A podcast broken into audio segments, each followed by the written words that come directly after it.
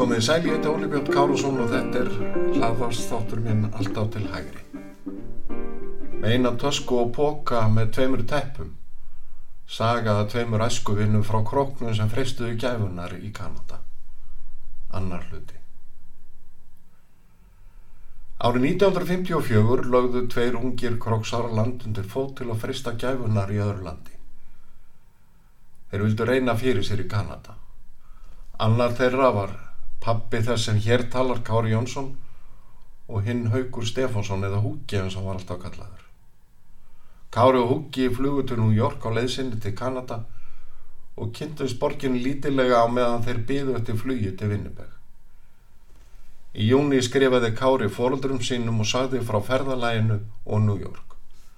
Hann skrifaði Til New York komum við eftir 13 klukkustunda flug en þá var klukkan 11 í New York. Flugfélagið lendi á stærsta flugvelli borgarinnar og er umferðin þar geysileg. Þegar við stegum út úr vélinni blésa mót okkur heitur gustur sem mynd okkur á hvert við vorum komnir. Og nú byrjaði ballið fyrir alvöru og því glemi ég aldrei. Fyrst fórum við í vegabrjöfskoðun og síðan í tollskoðun og gekk það allt slísa lítið. Við hafðum ekkert ferðarleifi til að ferðast í bandaríkjónum og máttum við því ekki hafa samband við nokkurt mann. Vorum við drifnir inn í herbergi þar sem voru vaktaður og þess gætt að settum reglum væri framfyllt. Við fengum smurt brauð og kaffi og smurða brauðið er það enkenlegasta sem ég hef séð því áleggið var þrísvarsinu þykkara en sjálfsneiðin. Gert það ráð fyrir að við færum klukkan hálf fimm og vildum við þá senda skeiti til steppa en það máttum við ekki. Síðan var ferðinni frestað til klukkan 11.30 um kvöldið og saði íslenski umbóðsmaðurinn að við yrðum að fara á hótel á meðan. Það nú lagt á stað með farangurinn til flugfélagsins sem við áttum að fljúa með til Vinnibeg. Sæn stúlka fylgd okkur. Öll flugfélag sem fljúa til New York hafa skrifstofi í einu og sama húsi og það er stærsta bygging sem ég hef komið í. Hún er aðeins ein hæð en flatarmálið er geysilegt. Við gengum að minnstakosti í 20-30 mínútur samfleitt þar til við komum til félagsins sem við áttum að fljúa með. Fengu við dótið þar gemt. Í þessu stóra húsi sem er eitt salur voru samankomin allra þjóða kvikindi, gulir rauður, brúnir, svartir og hvítir. Síðan var okkur kert inn í borginna og ókum við samfleitt í 45 mínútur. Hótelið sem við vorum á er mjög fínt, en við fengum ekkert að fara. Svartir þjónar færðu okkur matinn og voru þeir ekkert nema bukt og beigingar. Mennirnir sem gættu okkar voru báðir fullir en þeir reyndust okkur henni bestu þegar á reyndi sendu þeir skeiti til steppa og sínd okkur sjónvarp. Klukkan tíu var okkur sagt að við getum ekki farið fyrir morgunin og yrðum við því að gista. Um nóttina heyrðum við þrumur í fyrsta sinn. Klukkan sjö vorum við svo vaktir og gefið að geta og síðan heldum við burt klukkan tíu með amerískri flugil. New York er ljótborg það finnst mér. Allt þar úr steini og stáli og allir er að flýta sér. Vestlanir er í hverju húsi og auglisingarnar eru svo miklar að annað eins hef ég aldrei séð. Göturnar sem liggja á milli heiminhára húsa er eins og gjár. Sólina er aldrei að skína þar. Við sáum hinnar stóru og mikilfenglegu byggingar sem New York er frægust fyrir. Allstaðar er verið að selja bíla og töldum við að gamna okkar að á tíu mínútum ógum við fram hjá 45 bílasölum og skiptu bílarnir hundruðum sumstaðar. Umferðirinn er ægileg svo engin orð fá líst, en mér líkaði borgin ítla. Á flugvellinu lendu við í stappi vegna farangus okkar sem á lokum fengu við hann og flugum að stað. Flugum til borgarinnar Toronto í Kanada. Þar var gott að koma.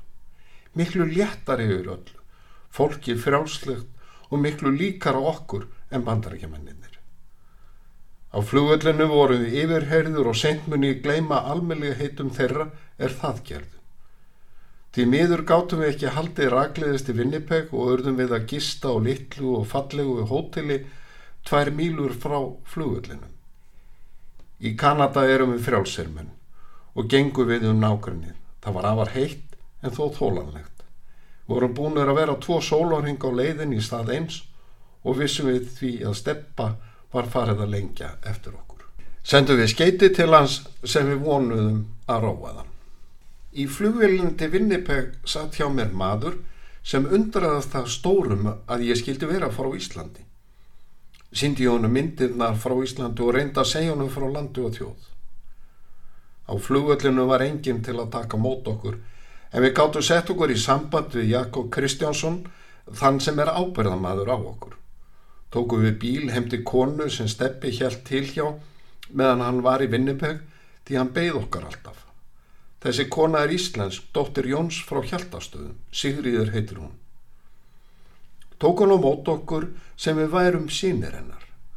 Sá hún okkar að steppi hefði ekkert sofið og væri mjög hugsjúkur okkar vegna. Hafði hann keft með sér bíl þaðan sem hann vinnur hundra mílur frá borginu og beðið á flugvöllunum í margar klukkustundir. Steppi kom stuttu síðar og urðu það fagnaðar fundir. Síðan höfum við lifað eins og greifar. Stefán er einstakur maður og vil bókstallega allt fyrir okkur gera. Fyrir hérna landið. En svo kom fram í fyrsta hluta þessa hlaðvars þáttaradar þá var á fyrstu árum sjötta áratögar 20. aldarinnar fá tækifæri fyrir unga menn á söðakrúki. Það var því skiljanlegt að Káru og Húki hefði hugaði að freysta gæfunar í öðru landi. Báðir áttu ættingja í vesturheim ekki síst Húki og reyndu skildmenni hans þeim félugum vel og greittu götu þeirra að bestu getu. Æsku vinniti voru fullir tilhlökkunar og bjart sínir við undirbúning hverðarinnar til Kanada. Landviðistaleifin fengust í janúar eins og áður segir, væntingarnar voru miklar og í fyrstu var góður hugur í þeim báðum. Kári segir í brefi til Jónas og Þórs Pálssonar Ninna, en hann er æsku vinnur þeirra húka, 19. júni 1954 að þeir séu loksins komnir til fyrirheitna landsins og ég get tekið það strax fram að okkur líkar dölinn vel. Ekki voru þeir eins hryfnir á New York eins og áður segir en þar gistu þeir á leðsinni til Kanada og breyti engu þótt þar hafið þeir í fyrsta sinn séð sjónvarp og fundi bragð af góðum bjór. Ekki gæðjast okkur á borginni, hún er ekki annað en steinn og stál og efnishyggjan virðist vera að kæfa það litla vott sem nefnamætti líf. Skrifar haugur sem segir New York ljóta og leiðilega þetta er svo ríkalegt að engin orð fá líst við. Skrifar hann í brefi til fóruldra sinna í júni 1954. En fyrstu kynnin að Kanada fylla félagana töluverðir bjart síni en það lífið allt öðru sem í bandaríkjónum skrifar Kári til Jónasar Þórs. Fólkið er hér frjálslegt og allir virðast ánæður. Hyrði ég ekki um að lýsa því nánar en skal segja þér frá því þegar maður kynnist lífinu nánar. Við lifum hér hinnu besta lífi og vestur Íslendingar vilja allt fyrir okkur gera. Þeir félagar voru hjá Stefán Eiríksin í Cypress River í eina viku og kvildu sig eftir erfitt og langt ferðalag. Kári segir í brefi til auðar sýstur sinnar 13. júli 54 að Stefán hafi reynst þeim hinn besti drengur og lætur sér mjög andum okkur. Haugur lýsir Cypress River sem litlu og þrifalegu þorpi með kortgemslum og þremur kirkjum. Járbrautin liggi í gegnum þorpið. Leiðin lág síðan til Vinnipeg þar sem þeir félagar voru í hinnu besta yfirleiti. Þar leiðu þeir hjá ónæmdri íslenskri konu eh, sem annars bjó einásamt einni tík, þremur köttum og nokkrum gullfiskum. Hér í Vinnipeg er annar þeirra manna er sá um hingað komu okkar og ég sagði þið frá, Jakob F. Kristjánsson. Hann hefur eins og aðrir Íslendingar sem við höfum haft samskipti við, reynst okkur fyrirtagsvel og greitt götu okkar á allan hátt. Heima á Íslandi var ekki löst við að fóreldrar ungum mannana hefðu áhyggjur. Í fjölmörgum brefum sem unnur skrifaði síni sínum er ljóst að hún saknar hans og er áhyggjufull. Unnur var móður föðumins Kára. Jón, fadir hans, hafði líka sínar áhyggjur og í brefi 20. júli 1954 segist hann fegin að frétta að ferðin vestur hafi gengið sæmilega vel og segir annars verður það erfiðara þegar þið farið að vinna þar sem þið eruð með öllu ókunnigir verk, högum og framkomu sérstaklega ef þið getið ekki fengið vinnu í lengri tíma. Jón hvetur sónin til að láta ekki hugfallast það sem mikil bót af fólki sem þið hafið mest haft saman að sælta við hafi reynst ykkur vel. En hann hefur upp í varnaðaróð. Það er margt nýstárlegt að sjá fyrir mann á þínum aldri og sennanlega er það gaman en það veitir ekki fullnægingu nema í stuttan tíma ef engin tilgangur eða ef ekki er stemt að vissu marki. Aðeins vildi ég benda þér á að á ókunnum slóðum verður farsælast að fara um mjög gætilega. Kári kunni að meta Kanada í upphafi, víða sér útsinni fagurt, það skiptist á akrar og yngi, skógivaksin héruð, er rennislegt víðáttan pirraran samt, skaffyrðingin. Það er þessi slétta sem er að gera mann vittlusan. Hefi ég oft þráð fjöllin minn heima, eða jafnvel þó ekki væri nema lítill hóll, pínu lítill hóll, skrifar Kári til sýstu sinnar. En þótt landslægið hafi ekki verið jafn heitlandi og heima á Íslandi, hrefst Kári af Vinnibeg. Borgin sé þrývaleg og margar stórar og fagrar byggingar príði borgina. Skipulag hennar fellur í kramið. Þannig er byggt Hér í Vinnipega vestlanir og skrifstofur standa við sérgötur en íbúðurhúsin sér. Er þetta ákala praktist því umferðinum íbúðagötunar er því lítil og ríkir þar friður og ró. Allstaðar er ræktuð trí og þar sem þau eru stæst mynda þau kvelvingu yfir götunar og er líkast því að maður gangi í súlnagöngum. Íbúðarhúsin eru víðast einn til tvær hæðir og snotur heimað sjá. Jakob F. Kristjánsson Koppi fór með þeim um alla borgin og nákrenni hennar og meðal annars til Selkirk en þar hitti Kári móðurbróðu sinn Jón Magnússon. Kári taldi að frendi hefði það all gott en hann vann í stálversmiðu. Jón væri að vísu frekar heilsuvell en þrauki, fráskilin og eigi einn 14 ára són. Jón er stór maður bjartur yfirlitum og sveiprinn og líkist ömmusálugu mjög. Baða mig um fyrir kveðjur til allra heima. Kári segir í brefi til fóraldara sinna í desember 1954 að fyrst eftir að Jón hafi komið vestu til Kanada hafa nunnið öll algengstörf og flakkað um allt. Árið 1927 hafa hann gengið í hjónaband sem að segi að hafi verið sín mesta ógjafa en það skildu þau fyrir fjórum eða fimm árum.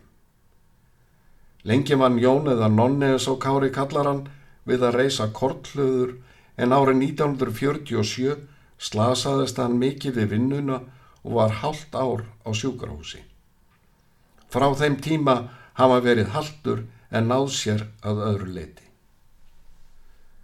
Greinlegt er að unnur vildi fá frekari frettir af bróðu sínum og 9. februar 1955 segir Kári að lífs afkoma frænda sér sæmileg og hafa nóg fyrir sig þótt hann þurfi að greiða með sínu og fyrir um eiginkonu. Hann hefur herbergi á hóteli og borðar þar vís líka. Er það algengt hér að menn lifi þannig? Hann myndist á að hann langi heim til Íslands en ég legg lítið upp úr því og sjálfsagt ber hann beinin hér.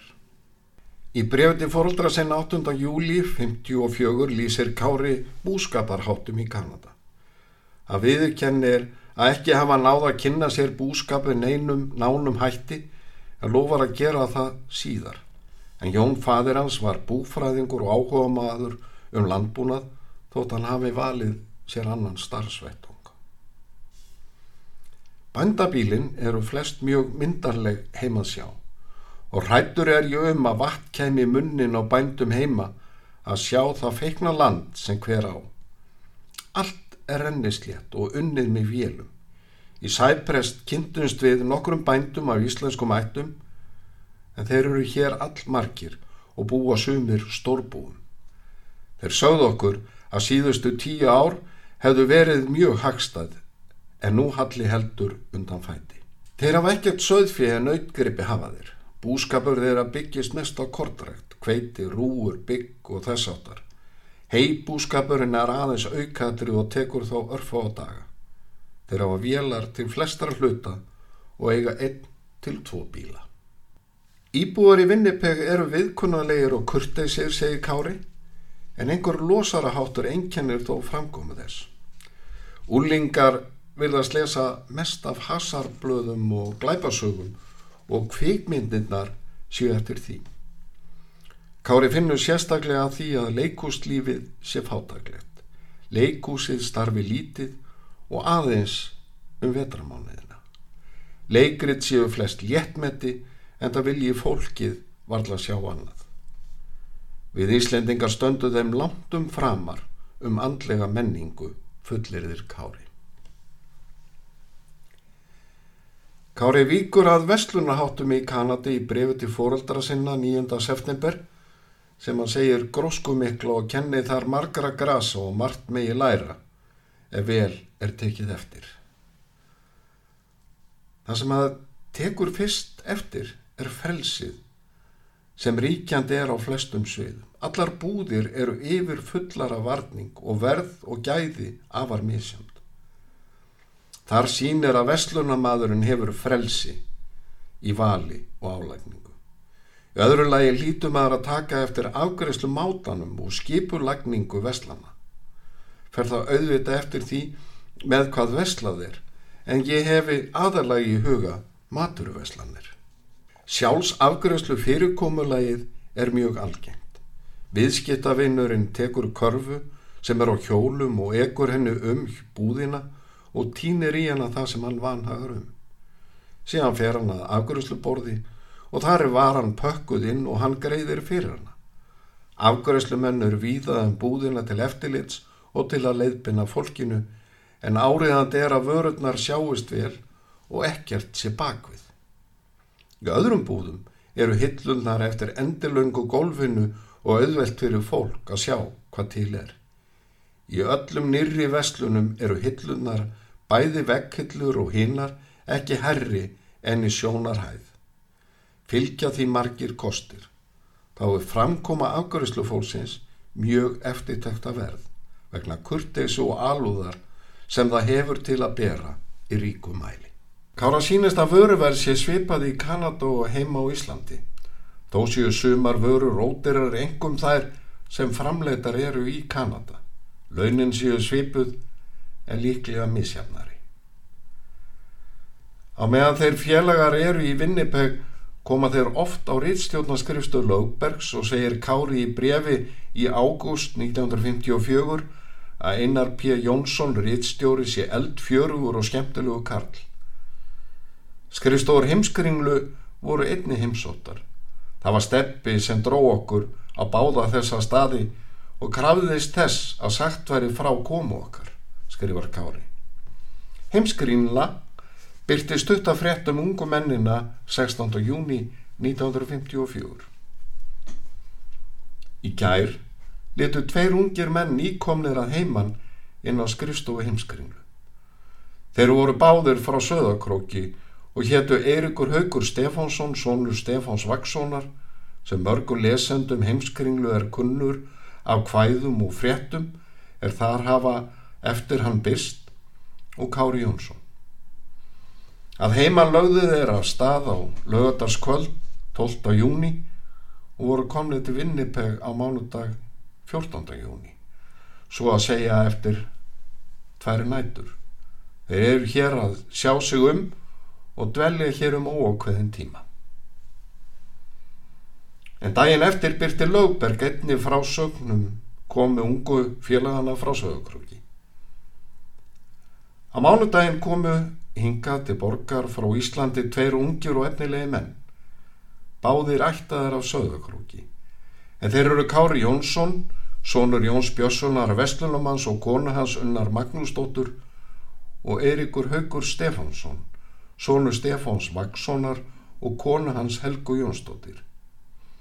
Þeir munu hafa í hyggju að ílengjast hér í landi ef allt gengur að óskum. Haugur og Kári voru ekki sérlega duglegir að rækta tengsl við aðra Íslendinga ef marka má breyfaskriptið þeirra. Í brefið er Haraldar Júliussonar nefnir Kári þó nokkra Íslendinga. En þess má geta Haraldur Júliusson rakk samnemnda vestlun á Söðakróki. Þar hafði pappi unnið og Haraldur var mikill velgjörðamadur föðumins. En pappi nefni átna Sigursson frá Akureyri, Palla Kaupmann Hallgrímsson og Steppa Dahl sem Kári segir að eigi að koma sér heim enda allt hans fólk á Íslandi. Fleiri Íslendinga höfum við hitt og hafa sumir bóð okkur heim en við erum latir við heimbóðum og kjósum heldur að liggja heima og lesa morgumblæðið, skrifar Kári. Sipaðan tón hveður þegar að Kári skrifar Haraldu og Guðrúnu bref 27. janúar 1955. Þeir haugur hafði verið heima hjá Koppa á aðfangundaskvöld. Á bóðstólnum var dýrindi smatur, svo sem hangikjött og myndalegt jólatri stóð á miðju gólfinu. Þetta var ágættis veistla en engin jól fyrir Kára. Hann skrifar um nýjárið gengust nokkari Íslendingar hér fyrir nýjársfagnaði en ekki komum við við þar. En að sögn var þar mikil gleði svo sömum þótti nógum. Félagslif vestur Íslendinga er frekar döft en það er fátt um und fólk nú orðið. Haugur og Kári voru greinlega í tölufriðin samskiptu við Pál Hallgrímsson Kaupmann en til hans sótu þeir allar nöðsynhefur. Kára likur gott orð til Páls sem að segir drenglundaðan á allanhátt. Þegar við komum í búðina vill Palli óður og uppvægur gefa okkur kaffi. En ef við mótmælum er viðkvæði hjónum blessaðir steinþegiði strákar. Hverslas helvítis fyrirtækt er þetta að vilja ekki kaffi og báður frá Íslandi? Svo gengur hann inn í pakkúsið sem er inn á búðinu og þar hyrðum við hann rópa Helga, tveir Íslendingar í kaffi. Fleiri Íslendinga sáum við alltaf við og við en eigilega eru Palli og Koppi þeir einu sem við sjáum reglulega. Í fjölmörgum brefum kemur fram að Koppi, Palli og Stefan hafi reynst þeim félögum vel og aðstóða þá eftir föngum. Kári segir að þeirri vestur Íslendikar sem þeir félagar hafi kynst séu margir fyrirtagsmenn og bera hlýjan hug til fósturjarðarinnar en samt er það staðrind að Íslands tunga er að þurkast út og mun hverfa algjörlega með þeirri kynnslóð sem nú er að ljúka störfum. Hann heldur því fram að allt talum rættar sem er vestur Íslendinga er því miður meira gaspur en staðrind en bætir síðan við að þetta megi hann ekki segja þar sem hann njóti gesturisni þeirra og fyrirgræslu. Haugur er sammála kára það sé þvaður að vestur Íslendingar haldi vel við íslenskum síðum og máli. Það er aðeins fáir og það síðasta kynnslóðin sem haldi við móðumálunu. Fólkið sé fyrst og fremst kanadamenn og eiga líka vera það skrifar hann móður sinni 20. september 1954. Það var helst þegar þeir félagar voru hjá Stefáni sem þeir hittu vestur Íslendinga. Húki minnist á Steindor Jakobsson Kaupmann sem selur hangikjötið, búðin sé lítil og kallin hálgerðu lundabæki frá Akureyri. Í brefi til fóraldra sinna í janúar 1955 segir Húki að þeir hafi farið með steppa á skrifstofu Hannesa Péturssonar, frænda Maríu Röggvaldsdóttur, sem sé almeinlegasti kall og jafnframt langríkasti Íslandingurinn hér, líklega í Kanada, en er nú ræfilslegur og alltaf veikur. Hann sínd okkur myndir af átta íbúðarblokkum, skauti inn í að þær væru virtar á eina miljón dollara, þær leigir hann allt út og ég geti trúað að hver blokk hefða meðaltalið 30 íbúðir. Íbúðin er vist fjögur herbergi og leigð upp í 80 dali. Svo hann fær um 2400 dali á mánuði fyrir hverja blokk sem gerir nokkuð í íslenskum peningum. Þar að auki áanvist fjölda af smáhusum hér og vestur við haf. Hann borgar þó allt viðhald og ljós og uppbytun á kostnað húsana en gróði hans er óbáslegur. Sjálfur best hann ekkert á. Skrifstofan er lítil og ljót en hann hinn almillegasti. Húki nefnir í sama brefi að þeir hafi einni hitt Davíð Björnsson bóksala sem sé heldur leiðinlegur og montinn og selur virðis með lítið af sínum íslensku bókum sem er þó honum að kenna. Davíð sé með bókband og einni byrjar að selja íslenska grammafónsplötur sem ganga vel út. Húki nefnir ekki eiginkonu Davíðs á nafn, segir aðeins að kærlingin hans sé víst nokkur rík. Davíð yrkir þó nokkuð og þykir honum og kannski fleirum það afbrað, annars er það held ég lélegt, þykist hveða dýrt, en hrúar þá aðeins saman stórurðum og kenningum, það mætti ætla að hann hafi orð upp úr orðabók. Þú hefur vafalaust heyrt eftir hann það byrtist stundum í heimskunni. Húki sér ástæðu til að greina fóröldurum sínum frá kirkjuferð þeirra Kára með kopp og steinu í mars 1955 steinar eiginkona koppa steinun Eiriksdóttir Hallsson en þau hjónin voru í sambandskirkjunni. Heldur fannst þeim félögum lítið til kirkjuna að koma. Engin altaristafla, nýja nokkuð krossmark, hvað þá kirkjuklukkur aðeins einn stór vekkklukka gengt kornum sem telur nýður þessi fáu gamalmenni í gröfina.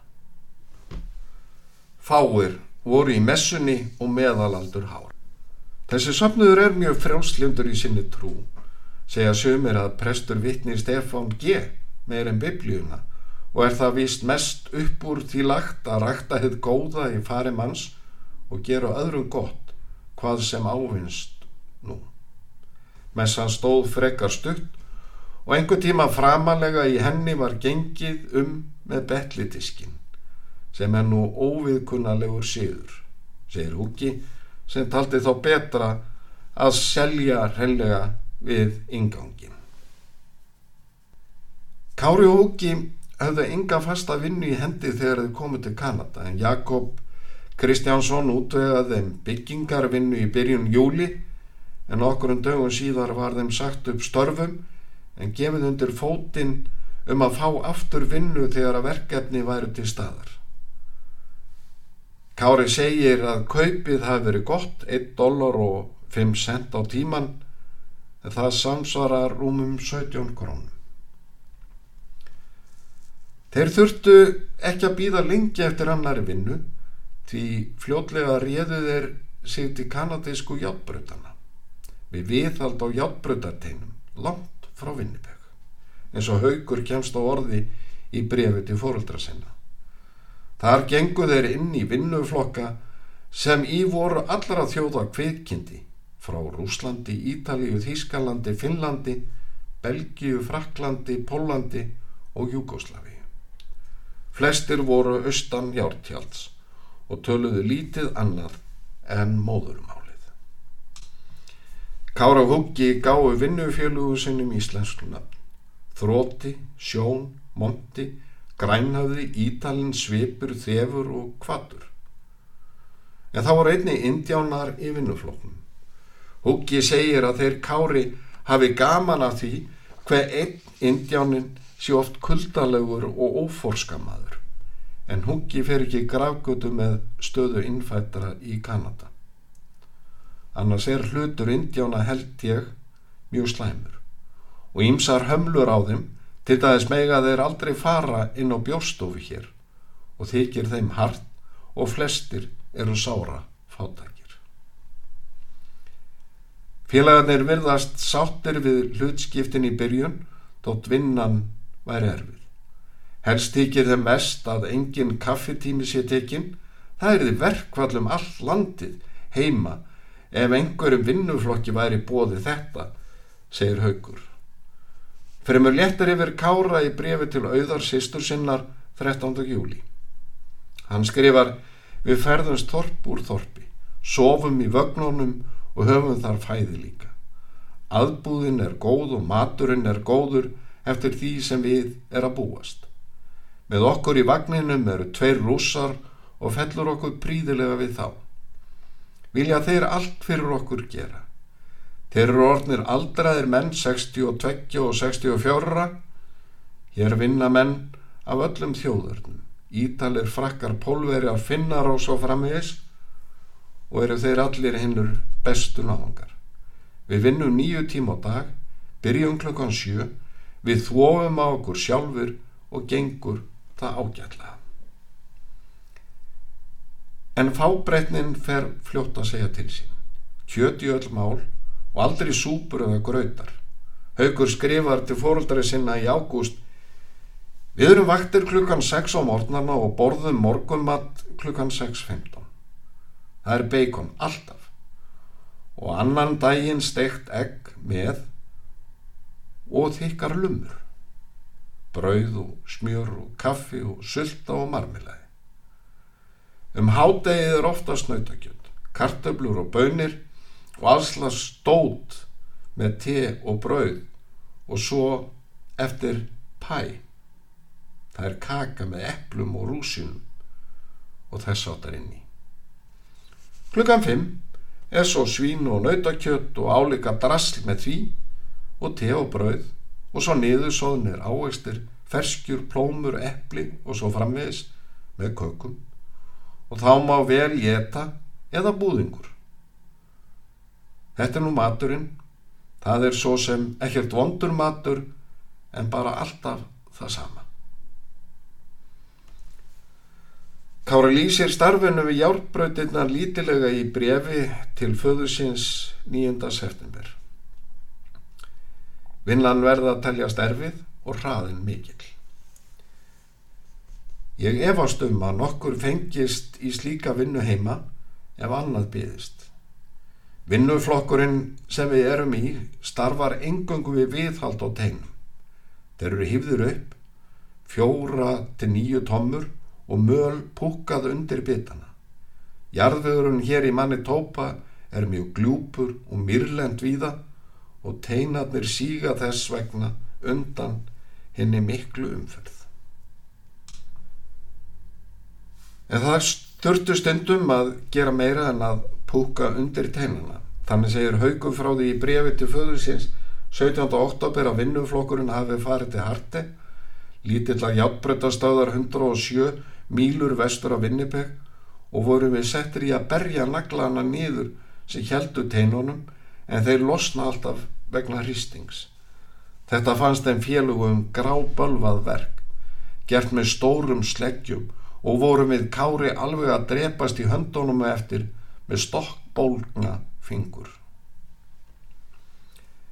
Hjá játbrutunum höfðu þeir félagar 85 cent á tíman og segir Kári að hann geti lagt um 100 dollara fyrir á mánuði en það sé hann sparsamur. Hann kvartar hins eðar yfir að skattar séu háir þannig hafið hann greitt 11 dali á 60 sem hann fjekk við síðustu útborgun. Vinirnir eittu ekki miklum peningum og taka það margótt fram í brefum til fóruldrana.